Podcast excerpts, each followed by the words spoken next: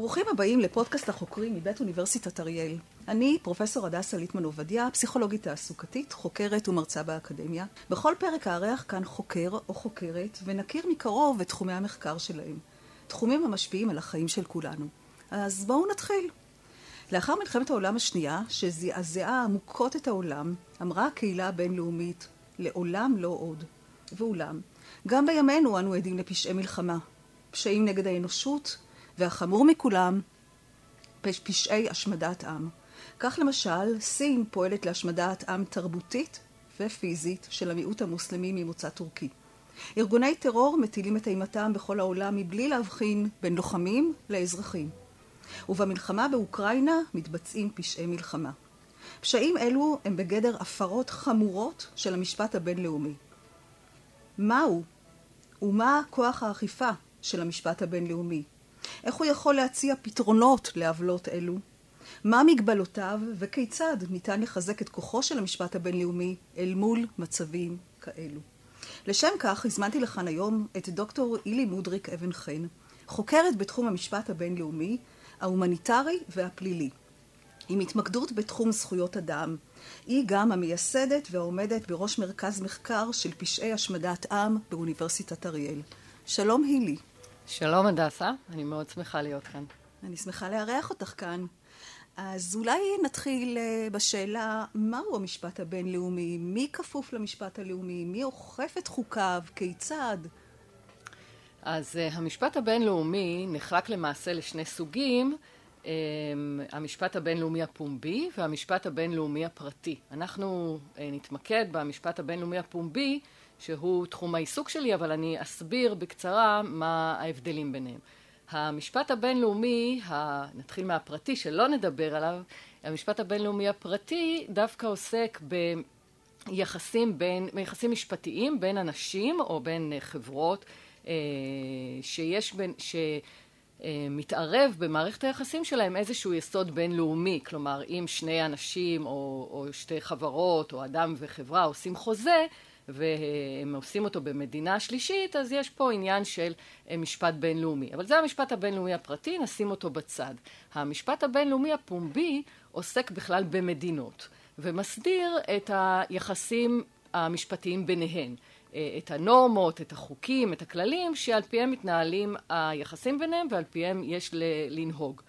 אה, שאלת על אכיפה, אכיפה היא באמת העקב האכילס, אפשר לומר, של המשפט הבינלאומי הפומבי. יש קושי אה, לא מבוטל לאכוף את הנורמות, את החוקים, מצד אחד, אה, משום שבעוד שכלפי אנשים אפשר לנקוט אמצעים כמו מאסר, אה, המשטרה יכולה להיות אה, שותפה באכיפה, אי אפשר למשטר מדינות, אי אפשר אה, לשים מדינה בכלא. אפשר להטיל אה, סנקציות אפשר על מדינה. להטיל סנקציות, נכון. סנקציות זה אמצעי שאכן נוקטים בו אה, לעתים, אבל אני אגיד דווקא דבר שיישמע מעט מפתיע. רוב הזמן אין באמת צורך משמעותי באכיפה. רוב הזמן המדינות רוצות לקיים את המשפט הבינלאומי. מדוע? כי זה יוצר סדר, זה יוצר ודאות, ומדינות מעוניינות בוודאות ובסדר, אה, ולכן רוב הזמן לא נוצרות בעיות משמעותיות באכיפה, אם כי כאשר נוצרות בעיות כאלה זה כמובן קר למחקר ומעניין אותנו החוקרים של המשפט הבינלאומי. אגב, מי יושב בבית דין אה, בינלאומי? Uh, טוב, זה כבר סיפור מאוד מסובך, כי יש, אין דבר כזה בית דין בינלאומי, יש כמה וכמה בתי דין בינלאומיים. יש בית דין בינלאומי לצדק, אה, שזה בעצם בית דין שהוא מוסד של האו"ם, והוא עוסק דווקא במדינות. יש בתי דין בינלאומיים פליליים, שעליהם אולי נדבר קצת יותר בהמשך. אה, בתחום שלך, במחקר, במשפט הבינלאומי ההומניטרי, משפט זכויות אדם. אה, אז כאן אנחנו מדברים על בתי הדין הבינלאומיים הפליליים, שהם בעיקר, שהם הוקמו בעזרת האו"ם, חלקם חלקם הם אה, יצירה של מועצת הביטחון של האו"ם, ויש את בית הדין הבינלאומי הפלילי הקבוע, שהוא אה, הוקם ב-1998. מי שיושב שם זה מומחים במשפט פלילי ובמשפט בינלאומי. אה, והם... איך הם נבחרים? הם נבחרים במנגנון של בית הדין הבינלאומי הפלילי על ידי המדינות שחברות באמנה הזאת. אז עכשיו קצת נעבור אלייך. את חוקרת בתחומי המשפט הבינלאומי ההומניטרי, הפלילי ומשפט זכויות אדם, כפי שאמרנו מקודם. אז אולי תסבירי לנו קצת מהם התחומים האלה, האם יש בכלל הבדלים ביניהם? אז uh, יש הבדלים ביניהם. משפט הומניטרי זה בעצם שם אחר למושג דיני מלחמה. זהו האוסף של החוקים והכללים שמסדירים את ההתנהגויות של המדינות למעשה, אמנם פועלות באמצעות חיילים, אבל באופן ישיר הם פונים לחובות של המדינות אה, בזמן מלחמה. המשפט הבינלאומי הפלילי עוסק באכיפה או בענישה, בהעמדה לדין של כאן דווקא של אנשים, זה האופן שבו המשפט הבינלאומי דווקא כן עוסק באנשים, תחום מאוד מיוחד. אה, שאנשים שמעמידים אותם לדין, כאשר הם מפרים את המשפט הבינלאומי, אה, מבצעים חשודים בביצוע פשעי מלחמה, פשעים נגד האנושות או פשעי השמדת העם, אחר כך נסביר מהם כל אחד מהפשעים האלה. ותתני גם דוגמה אולי אקטואלית. נכון. ומשפט זכויות האדם זה דין השלום. אה, זה האופן שבו המדינות מחויבות להעניק לאזרחים שלהם ולאנשים שהם נמצאים בשטחיהן זכויות אדם.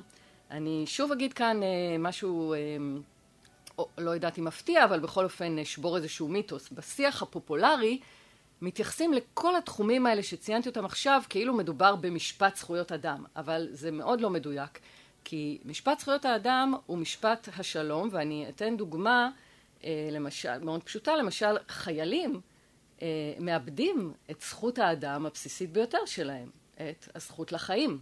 זאת אומרת, אי אפשר להגיד, ש...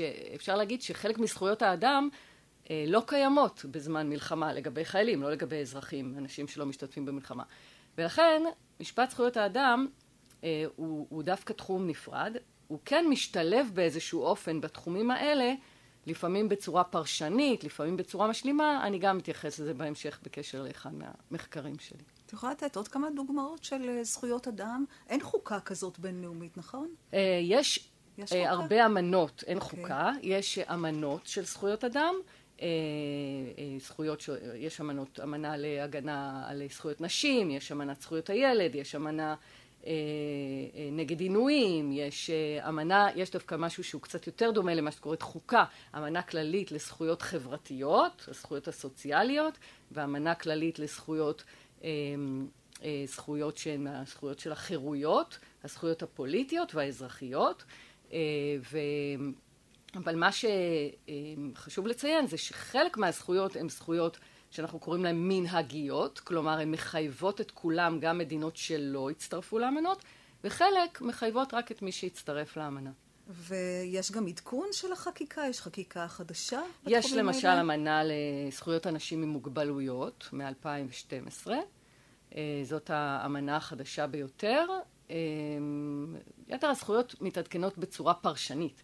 יש ועדות שמוצמדות לכל אמנה ויש להם כמה תפקידים ואחד מהתפקידים זה לכתוב מדי פעם הערות פרשניות כך שבאמת צריכים להתמודד עם ההתפתחויות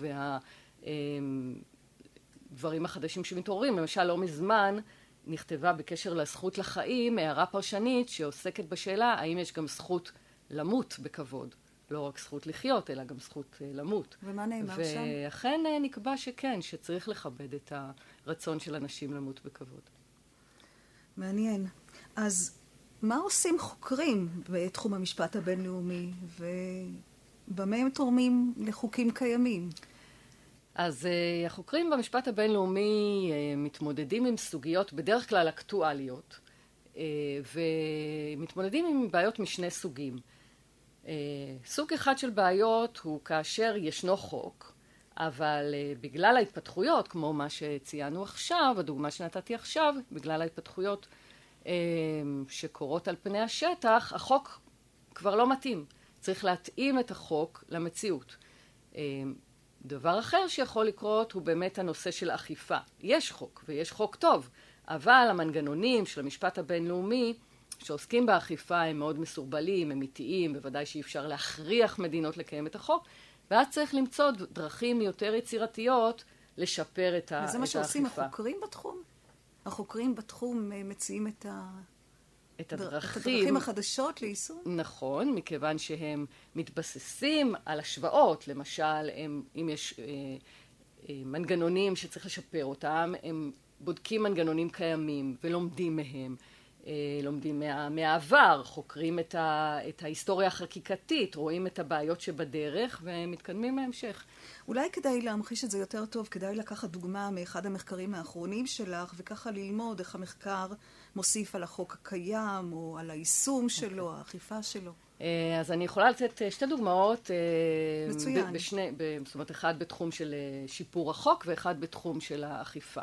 אז בתחום של שיפור החוק, ממש עכשיו אנחנו שמענו לצערנו את המאבק של המשפחות של החיילים, החיילים שנהרגו בעזה לפני איזה שבע שנים, כבר יותר, אה, שאול אורון והדר גולדין, שהמשפחות שלהם מבקשות מהממשלה לא להחזיר את גופות מחבלים וגם במיוחד את הגופה של המחבל שנהרג, לא נהרג, סליחה, שמת בזמן האחרון אה, לאחר שביתת הרעב הממושכת, חאדר עדנאן.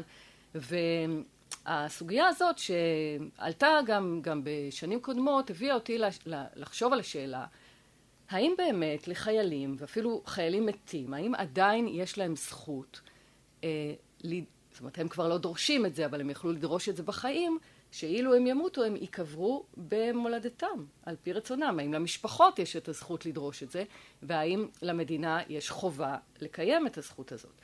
אז על פי הדין הקיים, אמנת ג'נבה שעוסקת במלחמה, בקורבנות מלחמה, אז אמנת ג'נבה שעוסקת בחיילים אה, אה, פצועים ומתים, אמנת ג'נבה הראשונה, קובעת דבר פשוט לכאורה. לחייל יש זכות להיקבר בכבוד, אבל לא מדברת על השאלה היכן הוא ייקבר. קבורה בכבוד לא מחייבת קבורה ב, ב, במקום הולדתך, במדינתך, בוודאי שאפשר אה, להיקבר גם בשדה, זאת אומרת במקום שבו היה הקרב, זה גם באמת מה שקרה במלחמות העולם הרבה פעמים. אה, חיילים נקברו הרחק אה, ממולדתם, אבל בתנאי שהמשפחות יוכלו לבקר, בתנאי ש... אה, מקום הקבורה הוא כמובן מכובד וראוי. אה, אבל כמובן שבמקרה שלנו הדבר הרי לא יכול להתרחש.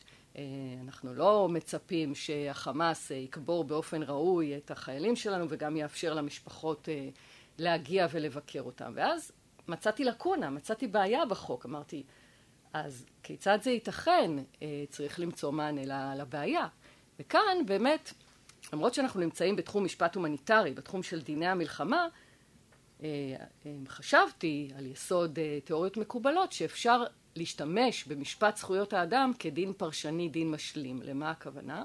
הזכות לכבוד. הזכות לכבוד לא נעלמת או לא נסוגה גם כאשר מדובר בחיילים. אמרתי שהזכות לחיים למשל לא קיימת לחייל שנלחם, אבל הזכות לכבוד נשארת. כיצד נוכל להגשים את הזכות שלו לכבוד? מכיוון שאנחנו נמצאים בסיטואציה הזאת של מאבק בארגון טרור, אה, או מאבק במדינה שלעולם לא אה, תרשה, או לפחות בזמן הקרוב לא תרשה ל, ל, ל, למשפחות החיילים לבקר את החיילים הקבורים, המתים, אה, את, את הקברים, סליחה, לפקוד את הקברים, אז הדרך היחידה, המשפטית, היא לומר, הדרך היחידה לכבד את הזכות לכבוד שלהם היא להחזיר אותם למדינתם. זאת אומרת, זה ממש יוצר חובה משפטית על המדינה לפעול לשם כך.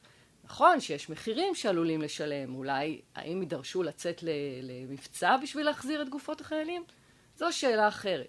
אבל אם אנחנו רק מדברים על השאלה האם מותר ללחוץ על הממשלה לא להחזיר גופות אה, מחבלים, כאן אני חושבת שהתשובה היא חיובית, משום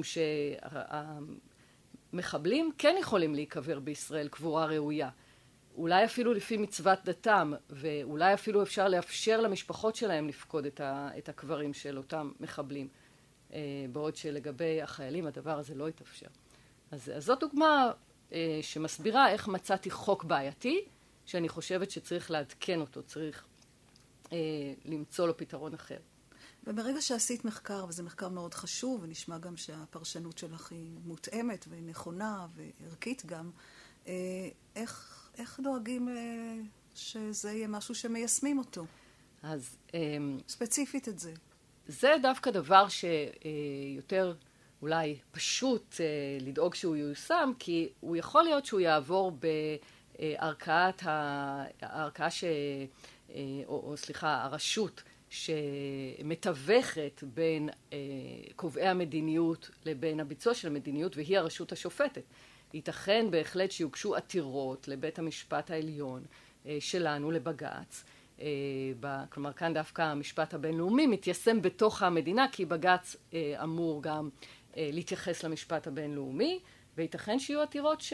שידרשו את ה... ויסתמכו על המחקר ואז שלך? ואז יכול להיות שיסתמכו, בתי המשפט בהחלט מסתמכים. אגב, אני אגיד שאפילו בערכאות של המשפט הבינלאומי, באותם בתי דין שדיברנו עליהם, בית הדין הבינלאומי הפלילי, בית הדין הבינלאומי לצדק, שם יש אפילו מעין חובה לפנות לכתבי מלומדים, כי מקורות המשפט הבינלאומי הם מתחילים מהחוק, מהאמנות הבינלאומיות, ממה שאנחנו גם קוראים מנהג בינלאומי, שזה בעצם חוק לא, לאו דווקא כתוב, אה, או חוק שמחייב את כולם, ובדרגה שנייה יש גם לפנות לכתבי מלומדים. אז, אה, אז יש יותר תקווה שזה אכן ייעשה, ובאמת תקוותי האישית ש, שכך ייעשה. נראה כמו אחד התחומים שבהם המחקר אה, הכי קרוב לשטח. זה נכון מאוד. אם אני רוצ... יכולה לקפוץ למשהו אישי, למרות שאולי כן, נדבר על זה בהמשך, אבל זה באמת הייתה אחת הסיבות שרציתי ללמוד משפטים דווקא. התחלתי ללמוד דווקא תחומים הרבה יותר רוחניים, למדתי גם פילוסופיה וספרות, אנגלית, אבל באיזשהו מקום כשחשבתי במה אני רוצה להתמחות בצורה יותר עמוקה, uh, הגעתי לתחום המשפט, כי חשבתי שזה המקום שבו אפשר לשלם, לשלב רעיונות עם יישום. היה לי מאוד חשוב לא להישאר דווקא רק במגדל השן, אלא להגיע למקום שבו אפשר לתרום גם לביצוע, אומנם לא להישאר רק בתחום הביצוע, אבל לשלב. את אמרת שיש לך דוגמה נוספת על אה, מחקר שלך שעוזר ליישום ולאכיפה נכון. של חוק.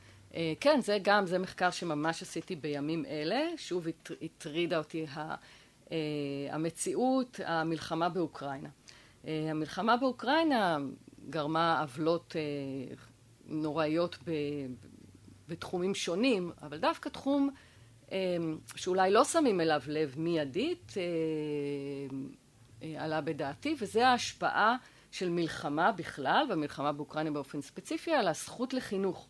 אה, ברור לנו שילדים בזמן מלחמה מתקשים מאוד אה, ללמוד. נכון שהטכניקות שתקופת הקורונה אה, העמידה לרשותנו, הטכניקות של הלימוד אונליין, שיפרו קצת את המצבים, אבל המצב הנפשי והלחימה תחת, אה, אה סליחה, ההוראה תחת אה, הפגזות, בוודאי לא מביאה למצב אידיאלי של אפשרות ללמוד, וגם לאחר מכן ההרס של התשתיות, המצב הנפשי של הילדים, בוודאי יגרמו לקושי אה, להגשים את הזכות לחינוך. עכשיו כאן מצאתי בעייתיות ביישום, כי החוק קיים, החוק זה אמנת זכויות הילד, דיברנו מקודם על זכויות אדם, אמרנו אה, שאמנות זכויות האדם קובעות אה, כיצד המדינות צריכות להקנות את הזכויות לאזרחים שלהם. ובוודאי שאמנת זכויות הילד מחייבת אה, את אוקראינה לדאוג לכך שהתלמידים שבשטחה יוכלו ללמוד.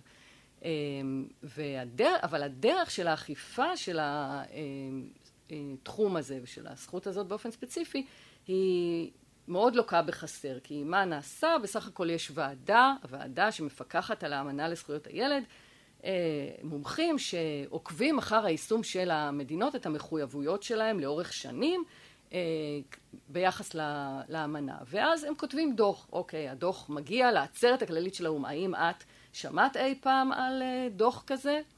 אני מסופקת אם רוב הציבור שמע.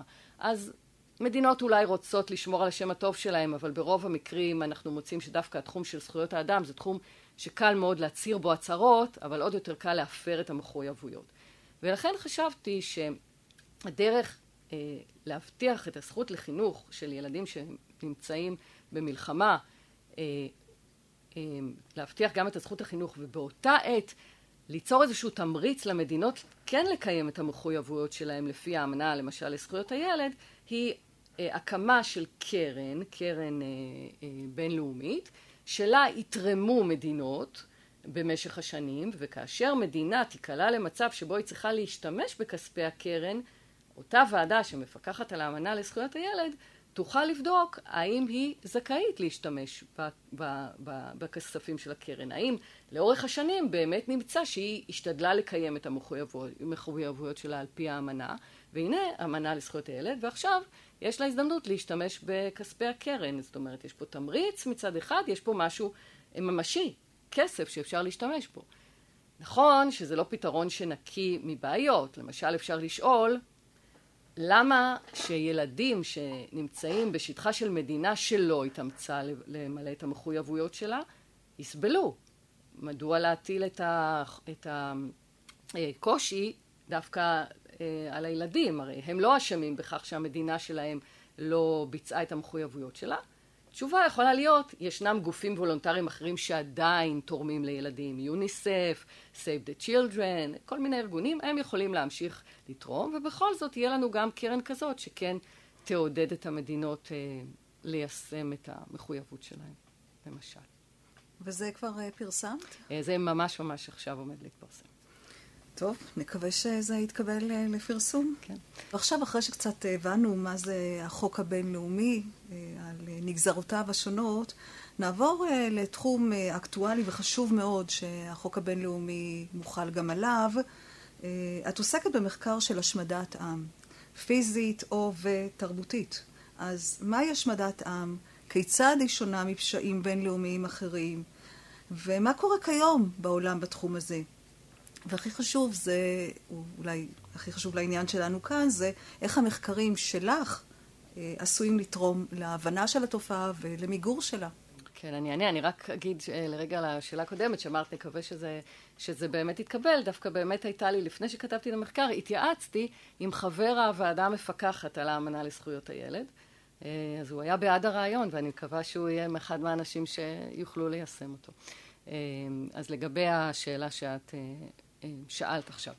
אה, אז הפשעים החמורים שאת אה, מדברת עליהם, ששאלת לגביהם, הם אה, שונים אחד מהשני. פשעי מלחמה הם פשעים שנעשים בזמן מלחמה ונוגעים להפרות של דיני מלחמה. פשעים נגד האנושות הם פשעים שנעשים לאו דווקא בזמן מלחמה וגורמים לפגיעה חמורה בגופם של אנשים בעיקר.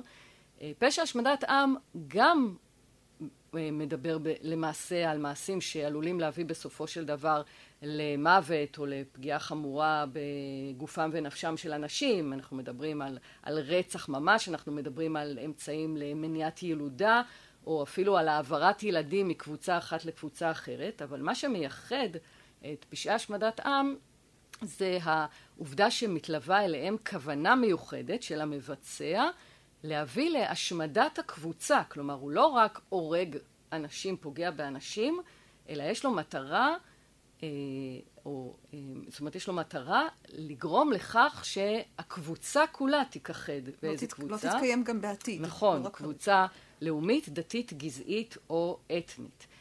אה, זה, הכוונה המיוחדת הזאת היא גם דבר שמאוד קשה להוכיח, אה, ואנחנו אה, נתייחס לזה אחר כך בהמשך. אמ, ש... אז כיום יש לנו, אה.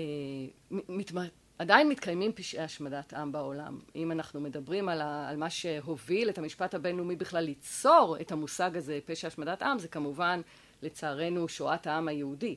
היא הפשע הארכיטיפי, היסודי, השמדת העם הקולוסלית ביותר, עם התוכנית המפורטת והמחרידה ביותר.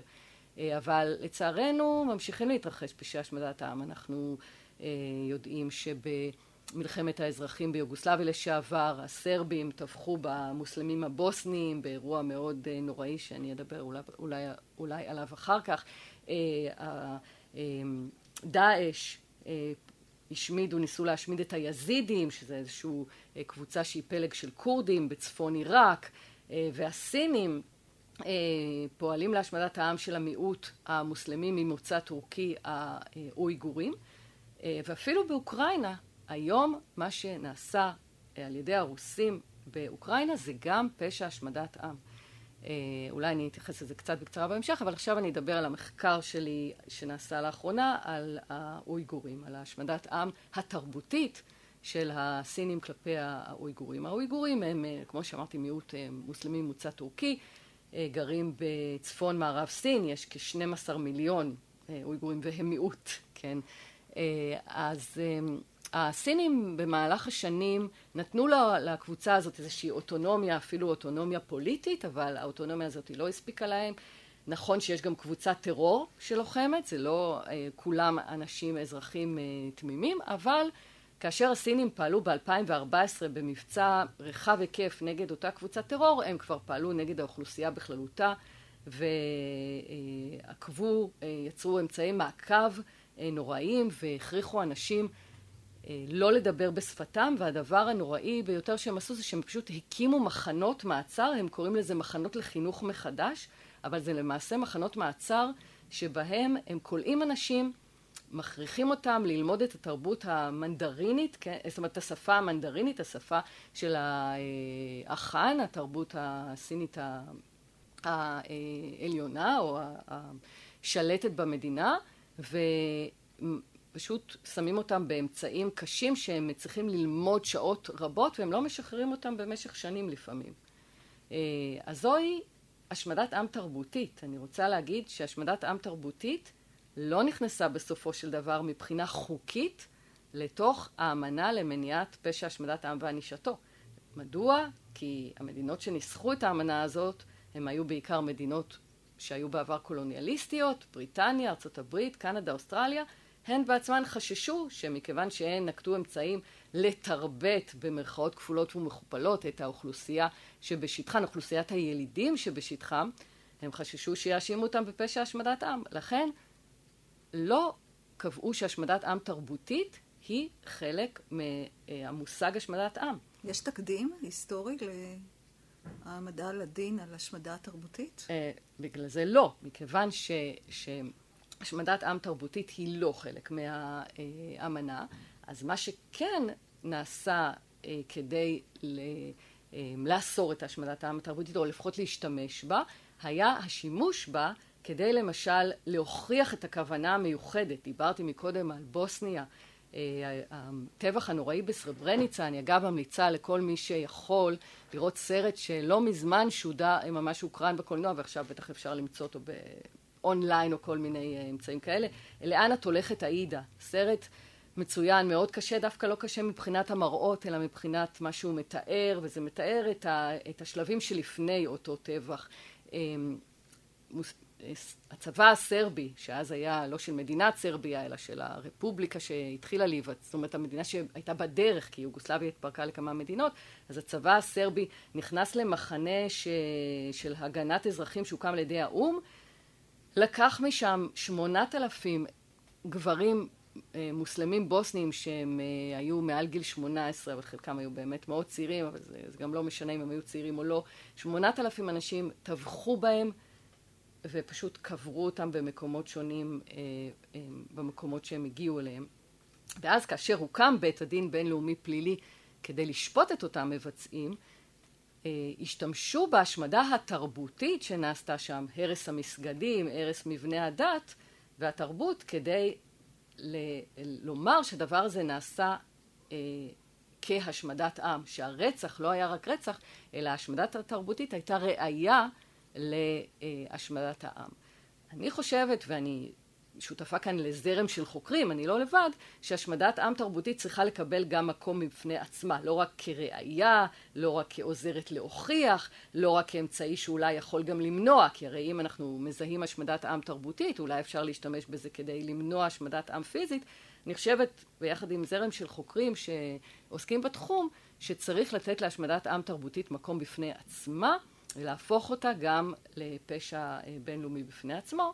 יש על זה היום כתיבה, אני חושבת שגם מה שנעשה בסין צריך לתמוך באפשרות הזאת. אז בעצם המחקר שלך כתבת על מה שנעשה בסין, בסין. כדי uh, להכליל השמדת עם תרבותית בתוך הפשע הזה של השמדת עם. נכון. וזה הולכים לנהוג לפי זה. כלומר, זה הולך להיות משהו שינסו לאכוף את זה. בשלב כזה עדיין לא, אבל אני רואה בספרות שיש מגמה כזאת. יש גם, המשפט הבינלאומי מתפתח המון אה, באמצעות מעשים של מדינות. המעשים של המדינות יוצרים בסופו של דבר גם את המשפט הבינלאומי, זה לא רק החוקים הכתובים, הם, הם מובילים ליצירת חוק באיזושהי דרך, ובאמת אני מזהה כל מיני פרלמנטים בעולם שחושבים כך, הפרלמנט הקנדי, הפרלמנט הבריטי, הביע את הרצון להתייחס להשמדת העם התרבותית גם כהשמדת העם. אז זה חלק מהמגמה הזאת. אמרת מקודם, הזכרת ככה ברמה האישית, שעברת מפילוסופיה וספרות למשפטים כדי לעסוק במשהו שיש לו ישימות והשפעה. מה השליחות החברתית שלך, ואולי של עמיתייך למחקר? המסר לחברה, המסר לקובעי מדיניות? זה, כמו שאמרתי קצת קודם, הרי בסך הכל המשפט הבינלאומי הפומבי בתחומים שאנחנו מדברים עליהם, הוא עוסק בערכים, בערכים שאני מקווה ומאמינה שהחברה האנושית בכללותה רוצה להגשים, רוצה לקיים. ולכן אני חושבת שהשליחות שלנו כחוקרים היא לאפשר למשפט הבינלאומי להצליח לקיים את הערכים האלה. אני אגיד גם משהו קצר לגבי ישראל. בישראל יש לנו גם שליחות חברתית מיוחדת, מכיוון שאנחנו נמצאים במצב מלחמה מתמיד, אפשר להגיד, מאז הקמת המדינה.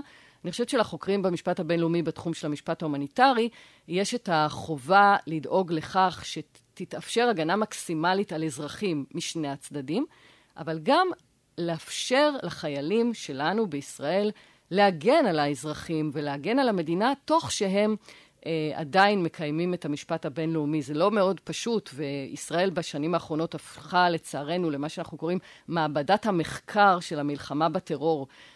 אנחנו לומדים תוך כדי תנועה איך אפשר להתאים את החוקים המאוד ישנים של המשפט הבינלאומי לשדה המתפתח הזה של המלחמה בטרור, כך שעדיין אה, החיילים יוכלו להילחם אה, ולא יוגבלו אה, בצורה שלא תאפשר להם להילחם ועדיין לקיים את החוקים של המשפט הבינלאומי. זה כמובן, אמרתי בשתי מילים, אבל זה עוד תחום שהחוקרים במשפט הבינלאומי עוסקים בו. ועוד משהו שהוא חלק מהשליחות שלך. כן, כי גם אני עסקתי בדיני מלחמה, זה גם היו מחקרים שלי. יש לך משהו נוסף שהיית רוצה להוסיף מתוך המחקרים שלך, או מתוך דברים שמצאת והופתעת? אני אגיד שאמרתי קודם שגם באוקראינה נעשית השמדת עם היום, השמדת עם בכלל, לא רק השמדת עם פיזית, אלא גם גם השמדת עם פיזית וגם השמדת עם תרבותית, והיא אה, באה לידי ביטוי בדברים, במעשי ההרג שנעשים, אבל גם בדבר שאני חושבת שפחות שמעו עליו, אה, וגם זה מחקר שעסקתי בו לאחרונה, העובדה שהממשל הרוסי הקים מנגנון מאוד משומן להעברת ילדים משטח אוקראינה, לשטח רוסיה, ילדים שחלקם יתומים, או לפחות נטען שהם יתומים, שנשלחו לאימוץ אה, על ידי, אה, ברוסיה, על ידי משפחות רוסיות. אפילו הנציבה לענייני אה, זכויות ילדים ברוסיה היא שותפה בפרויקט הזה, והיא בעצמה אימצה איזשהו ילד אוקראיני. אה, חלקם מהילדים האוקראינים הם לא באמת יתומים, או שאם הם יתומים, אז יש להם... אה, משפחה אה, רחבה. כן, אפוטרופסים שעכשיו מחפשים אותם. Uh, ויש גם ילדים שפשוט uh, נלקחו בהסכמת הוריהם. כן, זה חטיפת ילדים שנלקחו uh, לקייטנות, חלקם לא הוחזרו. והאמנה למניעת פשע השמדת עם, יש לה סעיף ספציפי שאומר שהעברת ילדים משת, מהקבוצה אחת לקבוצה שנייה זה ממש השמדת עם פיזית, זה לא רק השמדת עם תרבותית. זה סעיף שלא כל כך אכפו אותו במהלך השנים. שוב, אנחנו מדברים על אכיפה, וכאן אני חושבת שזה ממש המקום. אני חושבת, בית הדין הבינלאומי הפלילי הוציא עכשיו צו מעצר נגד פוטין והנציבה לענייני ילדים. אישית, אישית. אישית, מי. נכון. אנחנו, זה מעשה די אמיץ, הייתי אומרת. וחריג. זה אומר, חריג. זה אומר שהם לא יוכלו כמעט לצאת מגבולות רוסיה, כי יש המון מדינות שפשוט יצטרכו להסגיר אותם לבית הדין. צווי המעצר הוצאו דווקא בגין פשעי מלחמה, ולא בגין פשע השמדת עם. אני חושבת שהסיבה העיקרית לכך, וזה שוב במחקר שעשיתי לאחרונה, הסיבה העיקרית לכך היא, כמו שאמרתי קודם, מאוד קשה להוכיח את הכוונה המיוחדת הנלווית לפשע השמדת עם. האם הדברים האלה נעשו רק כפשע מלחמה, או מתוך כוונה להביא להשמדת הקבוצה. ו, ולכן בית הדין רצה, אני חושבת, ללכת כאן על בטוח. לא... על הקל יותר. נכון, לא ליפול ואחר כך להפסיד, אולי במשפט, שיצטרך להוכיח כוונה מיוחדת שכזו. מעניין וכבד. נכון. אז לסיום, הייתי רוצה לעבור לרגע מהמחקר והחוקרת, מהמחקר ומהמחקרים שלך אלייך כחוקרת, ואני חוקרת בתחום של פסיכולוגיה חיובית ותעסוקתית ומתפקדת בתחום של חוזקות אופי, ומכאן השאלה, מנקודת מבט של הפסיכולוגיה החיובית והתעסוקתית, אני מאוד אשמח לשמוע ממך על uh, שתי חוזקות אופי שלך, דומיננטיות, שמביאות אותך לתחום שאת עוסקת בו, ושמאפשרות לך להתמודד, להצליח ולהתמיד בו. אז uh, הייתי אומרת שמדובר ב, בשתי חוזקות אופי הבאות. החוזקה הראשונה, אני אחלק אותה uh, לש, לשניים. Uh, הייתי אומרת רגישות, רגישות חברתית, ובעיקר רצון לתיקון עולם. אני אוהבת את המושג הזה, תיקון עולם, זה מושג המקורות שלנו, ומעניין שאפילו במשנה הוא מתקשר איכשהו בסופו של דבר למשפט, כי מדובר בעצם בתקנות ש... תיקנו חכמים, הלל הזקן, בעיקר דווקא רבן גמליאל, הנכד או הנין של הלל הזקן, אה, שקבע למשל שאדם שרוצה לגרש את אשתו, אה, אה, היה נהוג שהוא יכול להתחרט, ואז, זאת אומרת, ששלח שליח לגרש את אשתו, יכול להתחרט ולהקים בית דין שיבטל את הגט. זה מציב את האישה בפני מצב מאוד קשה, או של הגינות, או שאם היא לא יודעת שהגט יתבטל, אז היא אה, אה, עשויה אה, להתחתן, ואז בעצם הילדים יהיו ממזרים וכולי. אז בעצם יש פה, אנחנו רואים שגם במשנה יש פה את הכיוון המשפטי, איך לעזור לעולם מבחינה משפטית ולתקן אותו. אז אני באמת באה מהנקודת מוצא הזאת של הרצון הזה לתקן את העולם.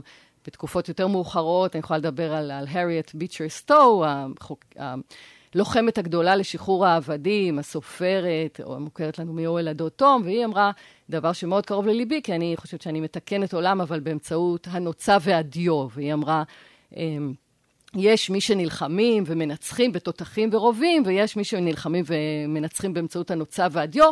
היא אפילו הוסיפה, הנוצה והדיו עדיפים על כל הכלי הנשק שבעולם. אז אני לא יודעת אם הם באמת עדיפים, אבל אני יודעת שזה, אפשר להגיד, כלי הנשק שלי, שאני יכולה להשתמש בו, שמשלב את היכולת שלי לחקור, להתמקד במחקר תיאורטי, וגם אה, להביא לאיזה תוצאות שאולי הן יהיו מעשיות. אז זה... חוזקת אופי אחת. ו... היית אומרת שאת מדברת בעצם על משהו ממעלת הג'אסטיס, הצדק, על הוגנות. אה, כן, זאת אומרת, זה בעצם קשור למשפ... למשפט בסופו של דבר, חוזקת okay. אוקיי. אופי שקשורה לתחום העיסוק. והדבר השני, אה, הייתי קוראת לו באמת אה, עקשנות והתמדה. כשאני מטרידה אותי בעיה אקטואלית כזאת שעלתה לפני השטח, אני ככה לא שוקטת ולא נחת, שאני מוצאת את המסגרת ויכולה לכתוב בה, נכון? אני חושבת שזאת, שהיא גם קשורה לחוזקה הראש, הראשונה, כי זאת עקשנות והתמדה שנוגעת למטרות הספציפיות האלה, לאו דווקא באופן כללי, אלא כאשר הדברים קשורים למחקר ולרצון הזה לתקן את העולם. זאת אומרת, את בעצם עושה שילוב בין אה, נחישות והתמדה להוגנות וצדק, והנחישות היא בשירות המטרות האלה של להשיג צדק, הוגנות, אה, שוויון זכויות, שוויון הזדמנויות. כן, אני חושבת כך. זה באמת, פתאום לראות את הקשרים האלה זה מעניין. אה, רק עכשיו שחשבתי על זה, אז, אה, אז אני רואה את, את הקשר בין האופי לבין התחום שאתה עוסק בו, וזה באמת אה, מבטיח, מאוד... מבטיח התמדה, הצלחה והמשך סקרנות והתלהבות. סקרנות והתלהבות, כן. תודה רבה, אילי. תודה רבה, הדסה.